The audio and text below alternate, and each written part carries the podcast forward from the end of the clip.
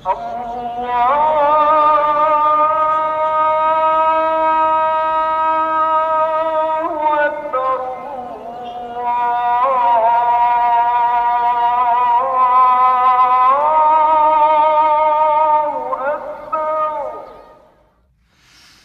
الله الرحمن الرحيم الحمد لله رب العالمين والصلاة والسلام على أشرف المرسلين نبينا محمد وعلى آله وأصحابه أجمعين Gerespekteerde luisteraars, assalamu alaykum wa rahmatullahi wa barakatuh.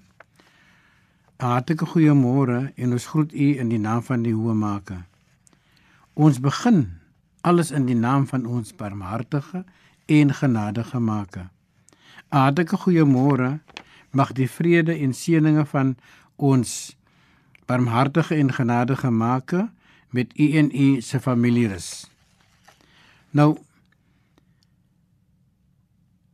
ons lees in die Koran hoofstuk 2 verse 126 tot 129 sê ons Maker dat profeet Abraham op wie welsyn rus en sy seun Ismail het die fondasie van die heilige Kaaba in Mekka gelê en opgerig as ook die Kaaba te voltooi. Hierdie merkwaardige taak wat hierdie pa en seun vergun was. Let op, ons sê vergun was, want dit was 'n gunste van ons Maker om vir hulle daardie eer te vergun. Dit was inderdaad 'n groot eer.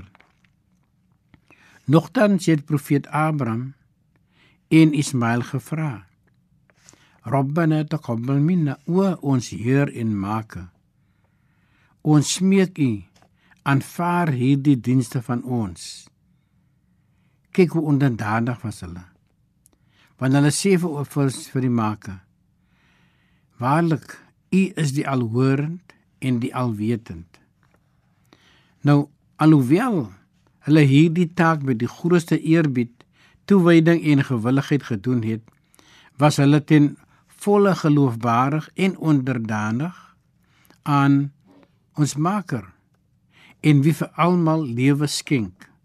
Nou ons weet sonder daardie gunste van ons Maker kan ons nie bestaan nie. Bestaan nie. Abraham het gevra dat ons algenadige Maker die stad van Mekka een van veiligheid, gerustigheid en vrede moet maak. Die geloofwaardige mense wat in die Skepper glo en erken dat daar 'n Namedsdag is. Dit is baie belangrik.